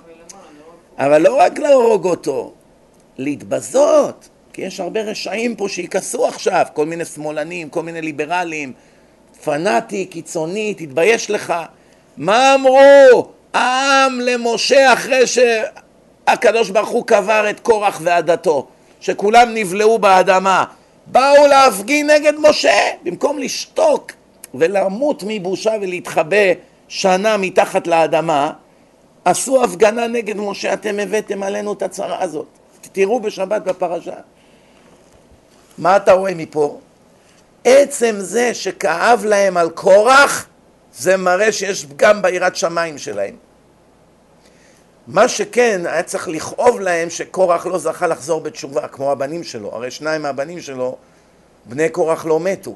הרב עובדיה פעם אמר על זה חידוש, שזה שכתוב בתורה ובני קורח לא מתו, הכוונה בכל דור ודור עדיין יש כמו קורח. זה לא רק אז היה בני קורח, גם היום יש בני קורח, רואים אותם מול עינינו, וגם בדור שעבר היו בני קורח, הכוונה אנשי מחלוקת. אנשים שנלחמים על השם, בהשם ובמשיכו, ובנציג שלו, ובנציגים שלו, כל מיני יפי נפש, אנשים עם פגם ביראת שמיים, או בכלל שאין להם יראת שמיים, כן? אז הוא אומר ככה, יראת השם שנאת רע, הלא משנאיך השם אשנא, ובמתקוממיך את קוטט. מי שקם עליך השם אני הולך לריב איתו. אני לא יושב בבית ושותק ואוכל את הלב, לא, לא, לא, אני רץ להתקוטט איתו. תכלית שנאה שנאתים, אני שונא את הרשעים, שנאת מוות. מי אלה היפי נפש שיגידו מותר, חייבים לאהוב כל יהודי? מי? הם הולכים נגד התורה, זה לא נכון. מי שאוהב את השם מצווה לאהוב אותו, מי ששונא את השם אסור לאהוב אותו, אסור לחזק את ידו, אסור לתת לו צדקה, אסור לתת לו מחמאות, אסור להחניף לרשע. כתוב ארבע כתות אינן מקבלות פני שכינה, אחת זה כת חנפנים, אנשים שמתחנפים לרשעים, איזה צדיק אתה, כל הכבוד, נתן מאה דולר צ'ק. מה צדיק? הוא מחלל שבת, הוא חי עם גויה בבית, מה צדיק? הוא נתן צדקה, תגיד לו יישר כוח על הצדקה, זהו, מה אתה צריך להתחנף אליו? כל החנפנות המאוסה הזאת, כל הפוליטיקלי קורקט, כל הפוליטיקה העלובה הזאת, יצאה כבר מזמן מהאף. לא רק לקדוש ברוך הוא, לכל אחד שנשארה בו עוד קצת יראת שמיים. איך אפשר לסבול את זה? והוא ממשיך, תכלית שנאה שנאתים, שיא השנאה. לאויבים היו לי. הוא בא אליך, אתאיסט, אומר לך, מה אתה רוצה ממני? באתי להילחם בך. מה עשיתי לך? אני מכיר אותך? לא. גם אני לא מכיר אותך. עכשיו הכרתי מי אתה ובאתי למחות בך ולהילחם בך בכל מחיר. למה? מה יש לך איתי? אני עשיתי לך משהו? לא. עשית להשם. התחלת עם השם, התחלת איתי. זה דוד המלך כותב, אני מתרגם לכם מה כתוב פה. שוב אני אקרא. תכלית שנאה שנאתים, לאויבים היו לי, במתקוממיך את קוטט. אני הולך להילחם בהם, אני לא יושב בשקט. שומעים? ככה פנחס קם על זמרי, מה אתה עושה כזה דבר? בועל ארמית פה ליד כולם? עושה צחוק? קם עליו. והשם אמר לו, פנחס השיב את חמתי, בזכות פנחס אתם תישארו בחיים, כולכם הייתם צריכים פה למות. מה אמר לו לפנחס? הנני נותן לו את בריתי שלום. למה? הוציא להורג את זמרי בן סלו, ראש שבט השמעוני. ממתי יהודי שהורג יהודי אחר נותנים לו ברית שלום ופרס ואני אוהב אותו והשיב את חמתי ובזכותו אני כבר לא כועס? כשהוא הרג כזה רשע הוא מיד נהיה צדיק. מה רואים מכאן? שכל מי שיפה נפש ומרחם על המחבלים ועל הרוצחים ועל השמאלנים שונאי ישראל, כל הבצלם, BDS, כל הרשעים הארורים האלה שמענים את חיילינו יום ולילה והולכים לעורר סכסוכים ומלחמות ומשלמים לילדים פלסטינים שיזרקו אבנים ונותנים להם כסף כדי לעורר מהומות ואחר כך מציגים סרטים שקריים בתקשורת וכל, וחצי ממשלה שיושבים שם שהם בעצמם אויבי ישראל ושונאי ישראל ביניהם 14 מחבלים. כל מי שמעורר עליהם אפילו ברמז קו זכות או איזה רחמים או איזה משהו להגיד בעדם אפילו כשהם עושים מעשה טוב יש איסור חמור לא לשבח אותם. אם מחר תלך תראה את אחמד טיבי, יימח שמו, הולך לבקר ילדים יהודים בבית חולים. בשביל יחסי ציבור, אסור מילה אחת לשבח אותו. מהתורה אסור להראות את זה בכלל בתקשורת. אסור שאף אחד זה ימצא חן בעיניו. אסור להחניף לרשעים. קראנו את זה באחד השיעורים הקודמים, גם כשהם עושים מעשה טוב. כי אין רשע שלא יעשה פה ושם מעשה טוב. אין כזה דבר, 80 שנה לא יעשה אף מעשה טוב. אפילו על מעשיו הטובים אסור לעורר זכות. ואסור לשבח אותו. שמעתם? זו זה הדין, זו האמת של התורה. לא כל הסילופים של כל מיני בורים ועמי ארצות שמחפשים יחסי ציבור. נמאס כבר מהם. די, כמה אפשר לשמוע את הליצנות הזאת? ועוד אומר דוד, כל אורח שקר שנאתי. לא יכול לסבול את הפוליטיקה וכל השקרים האלה. כשאני נפגש עם מלכים, מה אני מדבר איתם? פוליטיקה? מלחמות, סוסים, מכוניות, מה אני מדבר איתם? רק דברי תורה. דוד המלך אומר, אני לא אתבייש מהם, רק דברי... יגידו איזה, בוא'נה, אנחנו באנו פה לפגישה של מלכים, מה אתה עכשיו נותן לנו דרשות? לא, אתם לא מעניינים אותי, אני אגיד את האמת של השם, לא רוצים, צלקו אותי, מה אתם רוצים? לא עושה לכם חשבון בכלל. וזה כלל גדול, שישנא אדם כל דבר שקר. אם אתה לא שונא ומואס בשקר, אתה לא צדיק. חסר לך באמונה וביראת שמיים המון. כי אני ראיתי, זכיתי כמה צדיקים להכיר בחיי, אמיתיים. אין דבר שהם שונאים ומתחלחלים ממנו יותר מאנשים מזויפים, משקר, מרמאויות. אני השבוע, לפני בערך כמה ימים, התקשרתי לרב פרג'ון. מישהו שאל אותי כזו שאלה, עורך דין יהודי דתי, חזר בתשובה. אומר לי, באו, הוא גם, הוא גם עורך דין והוא בעצמו יש לו שותף שהם עושים נדל"ן. אומר לי, באו לי שני גויים שאני אייצג אותם בקניית בית. נתנו לי את הפרטים. בינתיים הם הסתכסכו עם המוכרת. הם לא אהבו את החוזה, היא לא אהבה את החוזה, התחילו לריב ביניהם. נראה שהעסקה עלתה על סרטון. אולי זה הולך להתבטל. האם מותר לי לשלוח את השותף שלי שיקנה את הבית? יגיד לאישה, אני אקנה ממך את הבית, עזבי אותם. אז אני אמרתי לו ישר, ודאי שמבחינה אתית זה אסור לעשות כזה דבר. אנשים באים אליך, בוטחים בך שאתה עורך דין, אחרי שהם קצת, יש להם קצת, מי אמר, אולי המריבות האלה הם יסתדרו עוד שבוע. עכשיו אתה הולך, תקנה את הבית? מבחינה אתית ודאי שזה לא מעשה טוב. הוא שואל אותי, אבל מבחינה הלכתית, מדובר כאן בגויים וגם השותף שלי גוי. אם השותף הגוי שלי ילך על דעת עצמו ויציע לגויה הזאת שמוכרת את הבית לקנות ממנה בעוד קצת כסף את הבית על סמך שני הגויים האלה שבינתיים רבים איתה. האם עברתי אני היהודי שאני אהנה מזה, האם עברתי על איזה הלכה? התקשרתי לרב פרג'ון, אז הוא אמר לי ככה, אומר לי, כשרב עונה לתלמיד, למישהו ששואל שאלה, אתה צריך לדעת שלתשובה הזאת יש משקל הרת גורל. מה פירוש? נגיד שהיה מותר את זה בתורה, נגיד. ואתה תגיד לו כן, אפשר לעשות כזה דבר. בתת מודע שלו כל הדת תצטייר לו כבלוף. תראה, הרב הזה מדריך אותי איך לתחמן. גם כשמותר, לפעמים בהלכות יש כל מיני דברים שאתה יכול ללכת מסביב. אז הוא אומר, גם במקומות שמותר אפילו מבחינת הדין, אף פעם אל תתיר. כל דבר שמבחינה אתית הוא לא מוסרי, אסור. זהו זה. חילול השם, אין ברכה בכזה כסף. אפילו שיבוא רב אחר ויחלוק ויגיד אין, אין, אין, אין איסור, זה לא כתוב שאסור. מותר לאדם אחר ללכת ולהציע עוד כסף. אתה בוגד באמון שאנשים נתנו בך. חותמו של הקדוש ברוך הוא הוא אמת. אף פעם לא יצא לך רווח מדבר שהוא לא מוסרי ולא אתי. גם אם זה לא כתוב במפורש שאסור בתורה. אין.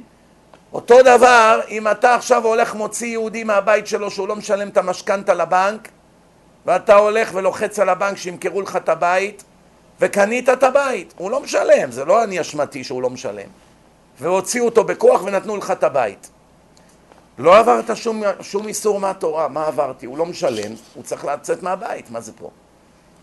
עצם זה שאתה נהנה מסבל של בן אדם אחר, כבר אין בזה ברכה. אתה יכול בעוד עשרים שנה רק להבין את זה. זה הרבה צריכים להכניס להם בראש, כולל אני, כולל כל אדם. אי אפשר להשתכר ולהרוויח מזה שקוברים מישהו אחר, מזה שפוגעים לו ברגשות, מצערים אותו, עושים לו דבר שלא היינו רוצים שיעשו לנו. כל מאן דשנא עליך, אל תעשה לחברך. וגם אם זה גויים שהם לא חבריך, והם לא אחיך, והם לא רעך, בכל זאת יש כאן חילול השם. וגם אם אין סיכוי שזה יתגלה, הם לא יכולים לקשר בין השותף שלו הגוי אליו, זה מישהו אחר. הקדוש ברוך הוא יודע את האמת. רבותיי, לא כל דבר צריך להיות כתוב בתורה שאסור. מספיק שכתוב לך מדבר שקר תרחק ואתה צריך למאוס בשקר, איך אתה בכלל שוקל לבגוד באמון שמישהו נתן בך? חבר שלך גילה לך סוד, איך אתה מסוגל לגלות את זה לעוד אדם? איך? מישהו ביקש ממך לא להגיד, אפילו לפתוח את הדואר של החבר שלך זה איסור חמור. לקחת טלפון של מישהו, לחטט לו בהודעות, זה איסור חמור מאוד. יש על זה חרם קדמונים, מי שמסתכל בדואר של אחרים. חרם, בנידוי שמו אותו. זה נוגע גם לימינו, מה זה דואר, מה זה אימייל. זה לא אותו דבר? פעם היו כותבים מכתב, היום כותבים אימייל. אותו דבר. וממש לפני שאני מסיים, הכלל הגדול הוא שישנא אדם כל דבר של שקר וכל מה שיוסיף שנאה לדרכי השקר יוסיף אהבה לתורה. כמה שתהיה יותר אלרגי לשקר ולשקרנים ככה תתגבר בך אהבת התורה. יש הרבה אנשים שואלים אותי, כבוד הרב, אני לא מתחבר לתורה, קשה לי, זה מעניין וזה, אבל לא יודע, לא הולך לי. מה התשובה העיקרית? כי אתה גם מחובר חזק לשקר.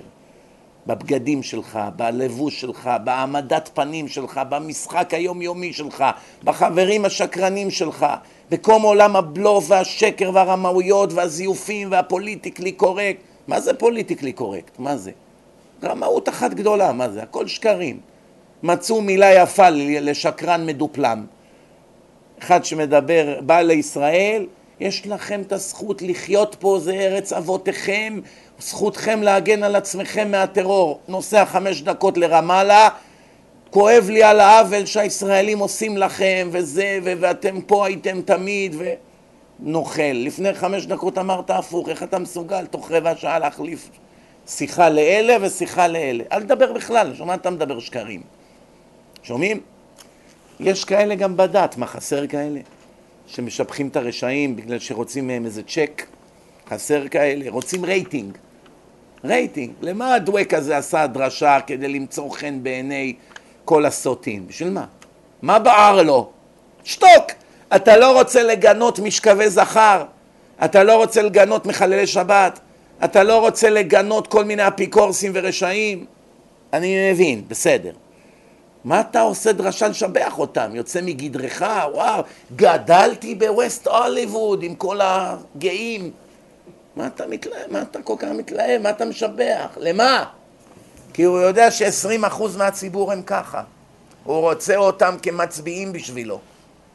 זה מגדיל לו את הכמות בפייסבוק, זה מגדיל לו את הרייטינג. בשנה הבאה שהוא יבוא לחזת, לחז... לחדש את החוזה הוא יבקש יותר כסף, יראה להם בואו תראו כמה, כמה followers יש לי, תראו כמה עוקבים יש אחריי. הוא לא אומר להם שזוהמה וחלאות המין האנושי הם התומכים שלו, זה הוא לא אומר.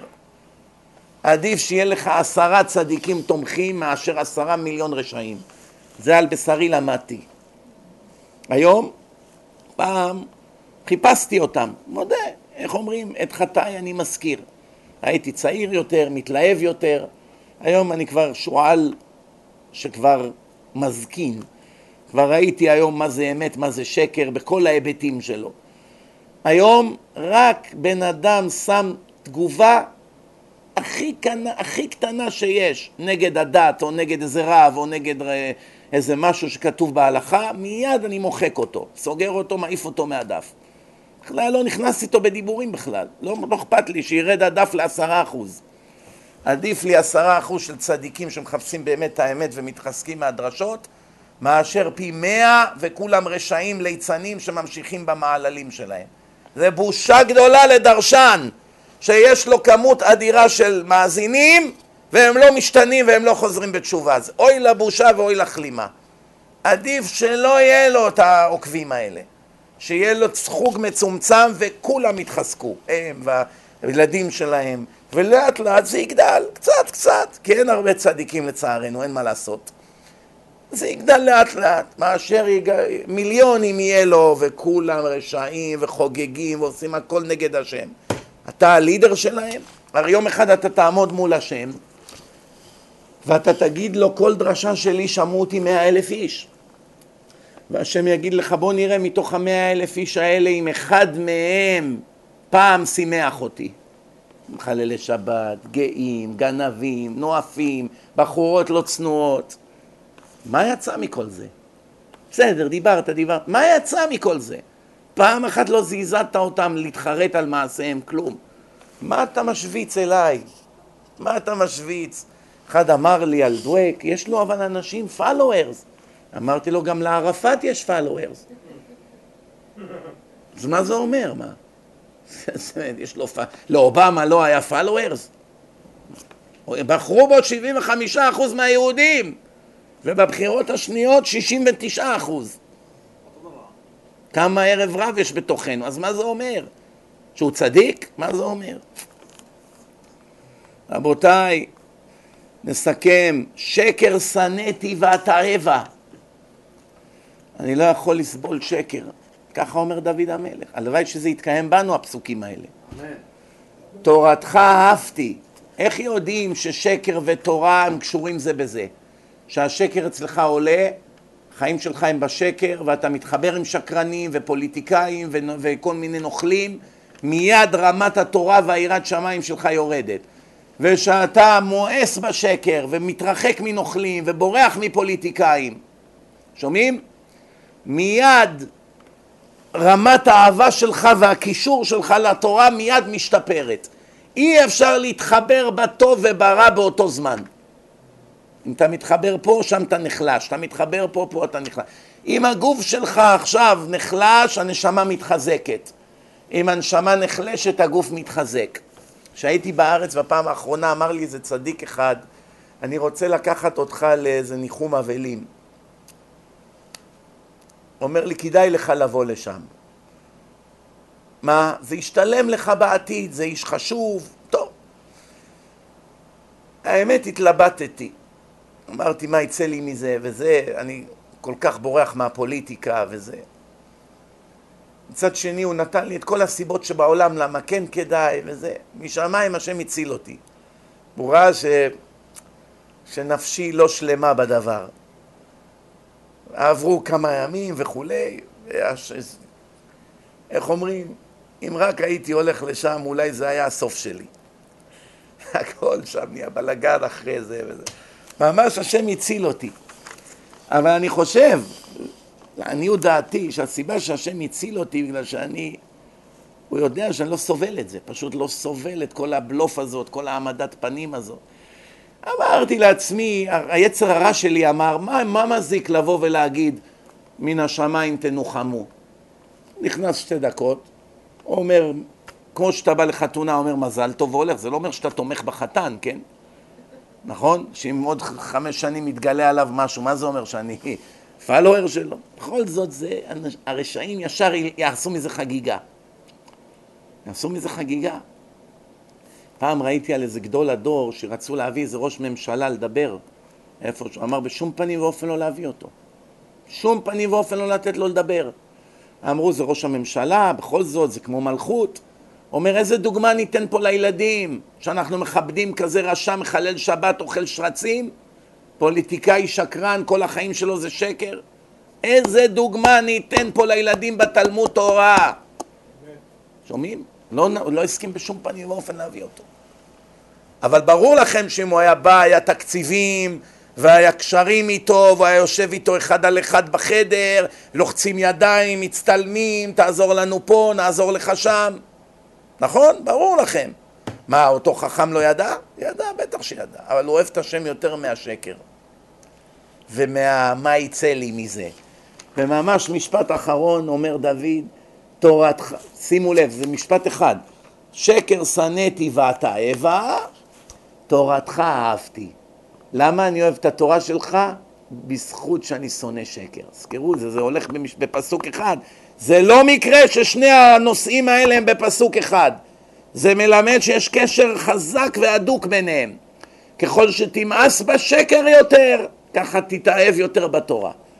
ככל שתתאהב יותר בשקר ובקיצורי דרך ובשמור לי ואשמור לך, יד רוחצת יד וכולי, הרמה שלך בקשר שלך עם התורה ועם השם, היא תרד עד שבעצמך תהיה רשע. ועל זה נאמר האמת והשלום אהבו. שומעים? שלום זה הקדוש ברוך הוא. ברגע שאתה אוהב אמת, אתה אוהב השם. שמעתם? ברגע שאתה שונא אמת, אתה שונא את השם. אתה אוהב שקר, אתה שונא את השם. אתה אוהב שקר, אתה שונא את השם. אתה שונא שקר, אתה אוהב את השם. אתה אוהב את הרשעים, אתה שונא את השם. אתה שונא רשעים, אתה אוהב את השם. מי שיורק על אבא שלך ואתה נותן לו מחמאות, סימן שאתה שונא את אבא שלך. אחד כזה אתה לא יכול לאהוב. למה אתה שונא אותו? הוא מרביץ לאבא שלי, יורק עליו, כפוי טובה אליו, מבזה אותו. או, מובן. אין לי עליך שום תלונות. גם התורה אמרה שבן לא יעיד על אביו. לא יומתו אבות על בנים ולא יומתו בנים על בנות, על, על אבות. אפילו החוק פה באמריקה, אישה לא מעידה על בעלה.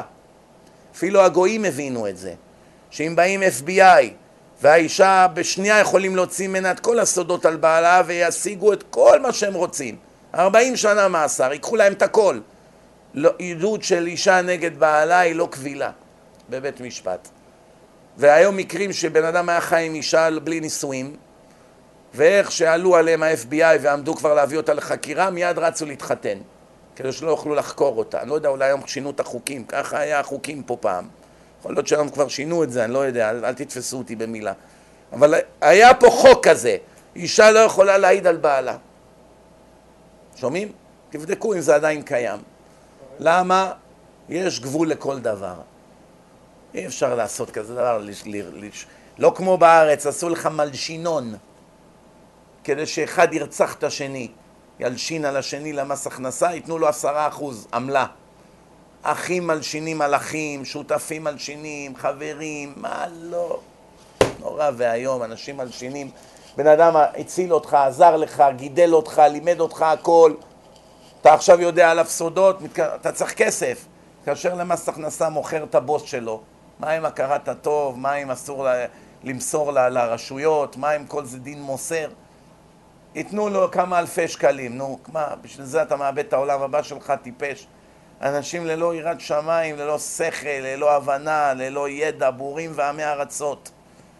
בשביל חופן דולרים הם מאבדים את עולם הנצח וישבו אלפי שנה בגיהנום. לא כואב הלב, תגידו לי אתם. מלשינון, איזה בושה, איזה ממשלה, איזה רעיונות של סדום. עצת אחיתופל. מי, מי חשב על הרעיון הראשי הזה? לסכסך בין עם ישראל, לא מספיק, גם יש שנאת חינם וגזענות ופירוד ותרבות הדיבור. פשטה כבר את הרגל וכולם מבזים את כולם וכולם משקרים על כולם וכולם רוצחים את כולם. לא מספיק חורבן בכל הארץ. אנשים דואגים על איראן. יש הרבה מה לדאוג. היום איראן ירתה טילים על סוריה כמה מהטילים פגעו מרחק של מאות קילומטרים בין איראן לסוריה, זה כמו תגיד בין אילת לחרמון. טילים באו, נחתו בדיוק במטרה. אז איזה שוטה אחד מהממשלה אמר, או מהצבא, לא כל הטילים פגעו. טיפש. אם עכשיו שני מתאגרפים הרביצו אחד לשני ואחד מת. לפני שהוא מת שואלים אותו, מה יש לך לומר על הקרב? מתוך המאה אגרופים רק ארבעים פגעו. ארבעים פגעו אבל אתה מת. איזה מין נחמה. לא כל הטילים פגעו, אבל מי שבאמת יש לו שכל, הוא לא ישן בלילה. אם אני הייתי ביבי, שבוע, שבועיים לא הייתי ישן, מרוב דאגות. אני אומר לכם את האמת. איראן כבר אמרו, הנה לכם לישראל דוגמה למה אנחנו מסוגלים לעשות. אנחנו יכולים להשמיד את תל אביב בחמש דקות. עשר לחיצות, עשרים, חמישים לחיצות. חסר להם סקאדים? חסר להם נשק כימי? חסר, מי יודע אם אין להם אטום? בעיה להביא מפקיסטן אטום? בשביל כמה עשרות מיליוני דולרים, הרי יש להם הרבה כסף. יקנו פצצת אטום מפקיסטן, ירכיבו את זה על טיל. בעיה בשבילם, יש פצצות אטום קטנות, בדיוק לגודל של תל אביב. בעיה בשבילם? אם הם רוצים מבחינה טכנית, הרגע הם יכולים להשמיד את תל אביב. זה היום הבנו, עד היום הכל היה דיבורים. הם אומרים והישראלים מכחישים. היום הם יראו לך, אנחנו יושבים באיראן, לוחצים על כפתורים עם לוויינים, הכל, הטיל נופל בדיוק ברחוב שרצינו. השמידו שם איזה, כל מי שהם רצו להשמיד. זאת אומרת, אנחנו יכולים לכוון אותו למגדל עזריאלי אם נרצה. אתה יודע מה יקרה בארץ? תל אביב מעל מיליון איש יש שם. אם הם יראו מאה טילים על תל אביב, מה יקרה? ייקח 700 שנה לשקם את המקום. מי יודע כמה הרוגים יהיה? מי... כל הבורסות יתמוטטו, אנשים יהרגו אחד את השני ברחובות. ואז מה אם צה"ל יגיב? נגיד שצה"ל יגיב, יזרוק עליהם אטום, יוריד 30 מיליון איראנים, נו, מה זה עזר לנו? הרי הם לא פועלים בשכל אלה, אתה רואה שהם עושים דברים שאפילו הם סובלים מזה.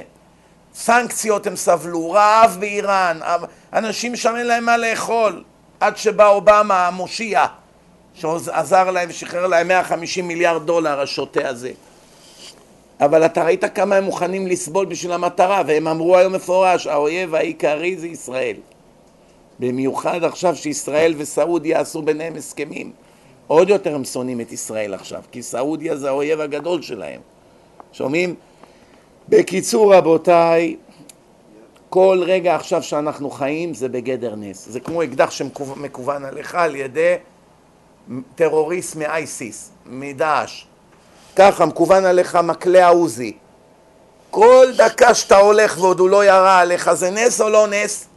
מכוונים עלינו טילים מאיראן לכל פינה בארץ, וכבר הם מראים לך שהם יכולים לכוון אותו בדיוק לבניין שהם רוצים. כל עוד הם לא עשו את זה, זה נס או לא נס? עד מתי הנס הזה יישאר? זו השאלה.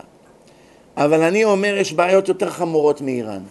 תרבות הדיבור, שנאה נוראית, הגזענות, השחיתות בשלטון, הכל רקוב. המדינה גמורה כבר. אין מדינה בכלל. כל, כולם גונבים מכולם, תקציבים, רמון, שוחד. תראו מה הולך פה. דתיים, חילונים, חרדים, כבר אין כבר הבדל כמעט. זהו זה. אין כבר, הכל רקוב מהיסוד. אתם יודעים מה זה? זה כמו נמק, נמק שהתחיל באיבר אחד בגוף וכבר התפשט לכל הגוף. אז כמה זמן נוכל לשרוד? כמה זמן? כמה זמן כולם יגנבו מכולם וילכלכו על כולם? אני בכלל לא מבין איך עדיין אין חוק בארץ שאסור להשאיר תגובות שטנה באינטרנט. זה מחליש את החוסן של העם. העם נחלש, אם כולם שונאים את כולם בשעת מלחמה אף אחד לא ירוץ למסור נפש. אתה לא מבין?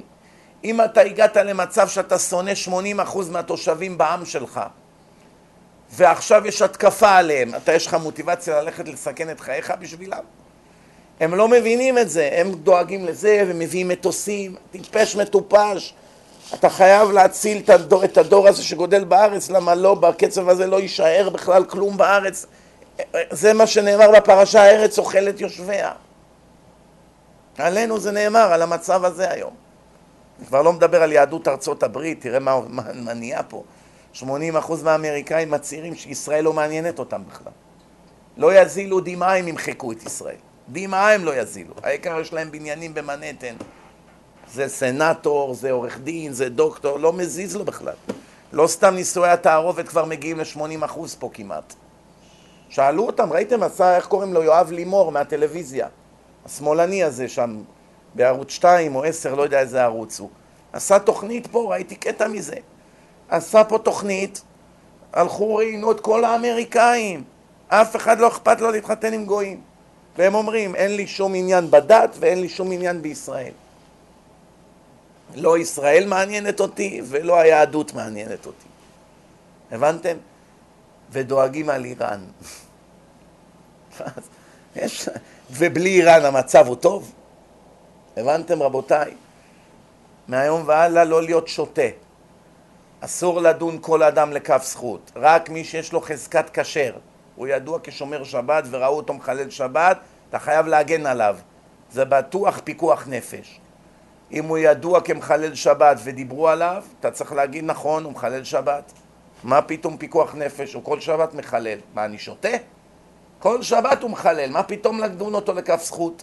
מי שידוע כגנב גדול, מה פתאום לדון אותו לכף זכות? מי שידוע כצדיק וראית שעשה משהו לא בסדר, אתה חייב לדון אותו לכף זכות, חייב, אם לא תיענש. גם אם צדקת, גם אם הצדיק טעה ועשה עבירה ולא דנת אותו לכף זכות ובסוף בשמיים יתברר שצדקת מה שאמרת נכון, הוא באמת עשה עבירה, תקבל על זה עונש חמור מאוד כי היית חייב לדון אותו לכף זכות כי הייתה לו חזקת כשר עד אותו רגע אסור לך היה לחשוד בו לחשוד, ולא, קל וחומר לא לדבר. אנשים לא יודעים הלכות, הלכות פשוטות לא יודעים. דרשנים מעוותים לעם את המוח, אומרים להם דברים לא נכונים. He's a Jew, כל ישראל יש להם חלק לעולם הבא, בלבולי מוח. מה כתוב בהמשך של המשנה? כל ישראל יש להם חלק לעולם הבא שנאמר ועמך כולם צדיקים לעולם ירשו הארץ נצר מטעי, מעשה ידיי להתפאר, ואלו שאין להם חלק לעולם הבא, ויש שם רשימה ארוכה. את זה הם לא מלמדים אותם דרשנים. אפיקורסים, מינים, כופרים בתורה, עושים עבירה ביד רמה בפרהסיה, האומר משה בדאי. אפיקורסים, כמעט כל בן אדם מוגדר בארץ היום כאפיקורס. כל אלה שמבזים רבנים, כל אלה שעושים את כל הדברים האלה באינטרנט, כל מחטיאי הרבים, עושה עבירה ולא מתבייש, כל מיני, כל מיני הגדרות, מה זה אפיקורס, מה זה מינים, מה זה מוסרים. כמה מלשינים יש בארץ? מלשינים למס הכנסה, מלשינים למשטרה, מלשינים לאויב שלו, בלי סוף מלשינים. כתוב למינים ולמלשינים אין תקווה. מוסר לא מצטרף למניין, אין לו חלק לעולם הבא. אחד כזה הוא אפ... יותר גרוע מהאפיקורס אפילו. אז מה עכשיו, יש לו חלק לעולם הבא? הרי במשנה כתוב לך שאין לו, אז מה אתה אומר לכל ישראל יש חלק לעולם הבא? למה אתה מרמה את הציבור? שהם יחשבו שהם הולכים לעולם הבא ובסוף הם יקבלו פצצה לפנים? ואחר כך כבר יהיה מאוחר מדי בשבילם? תגיד להם את האמת ושישנאו אותך, מה אכפת לך? מה זה פה הצבעה לכנסת? מה אכפת לך? אני לא מבין, מה אתה עובד של כסף? בשביל מה אתה דורש? מי שדורש ובדעתו לסלף את האמת של התורה, עדיף לו לשתוק כל החיים שלו, לא להוציא מילה מהפה. ועל זה נאמר, ולרשע אמר השם, מה לך לספר חוקיי? מי, מי מינה אותך להגיד את החוקים שלי שאתה רשע בעצמך ומסלף את הכל? וגם תהיה נאה דורש ונאה מקיים. כשאתה בא לדרוש, תדאג לתקן את עצמך קודם בדבר הזה. תעשה תשובה, כי אף אחד לא מושלם. גם דרשנים עושים עבירות, כן? אבל לפני שאתה דורש לפחות תגיד חטאתי, אביתי, פשעתי במנחה, לפני הדרשה, מבקש מחילה, אני רוצה לחזור בתשובה על עבירה פלונית. עכשיו אני יכול לדרוש, חזרתי בתשובה. עוד שבוע, עוד פעם תיפול. טוב, לפחות בזמן הדרשה היית בעל תשובה. ככה זה עובד, אנשים לא מבינים. אתה לא יכול לבוא לדרוש על משהו מסוים שלפני שעה בעצמך עשית את זה. אתה אומר לאדם טול קיסה מבין שיניך, אומר לך טול קורה מבין עיניך. במילים אחרות, אתה מעיר לו על קיסם, הוא מעיר לך על קיר, ברז... קיר אה, עץ, קורת עץ. במילים אחרות, איך נתת לו פתחון פה עליך. אתה מדבר איתו על קיסם, הוא ענה לך בקורה שלמה. זאת אומרת, אתה לא יותר טוב ממנו, הנה הוא מצא לך מה להגיד. אתה מדבר על גאווה, תדאג שאתה לא תהיה גאוותן. אתה מדבר על ענווה, תגיד, אני לא דורש לכם, אני רק לומד איתכם ביחד. יש הרבה דרשנים, הם אומרים, אני לא אומר מוסר לכם, אני אומר מוסר לעצמי.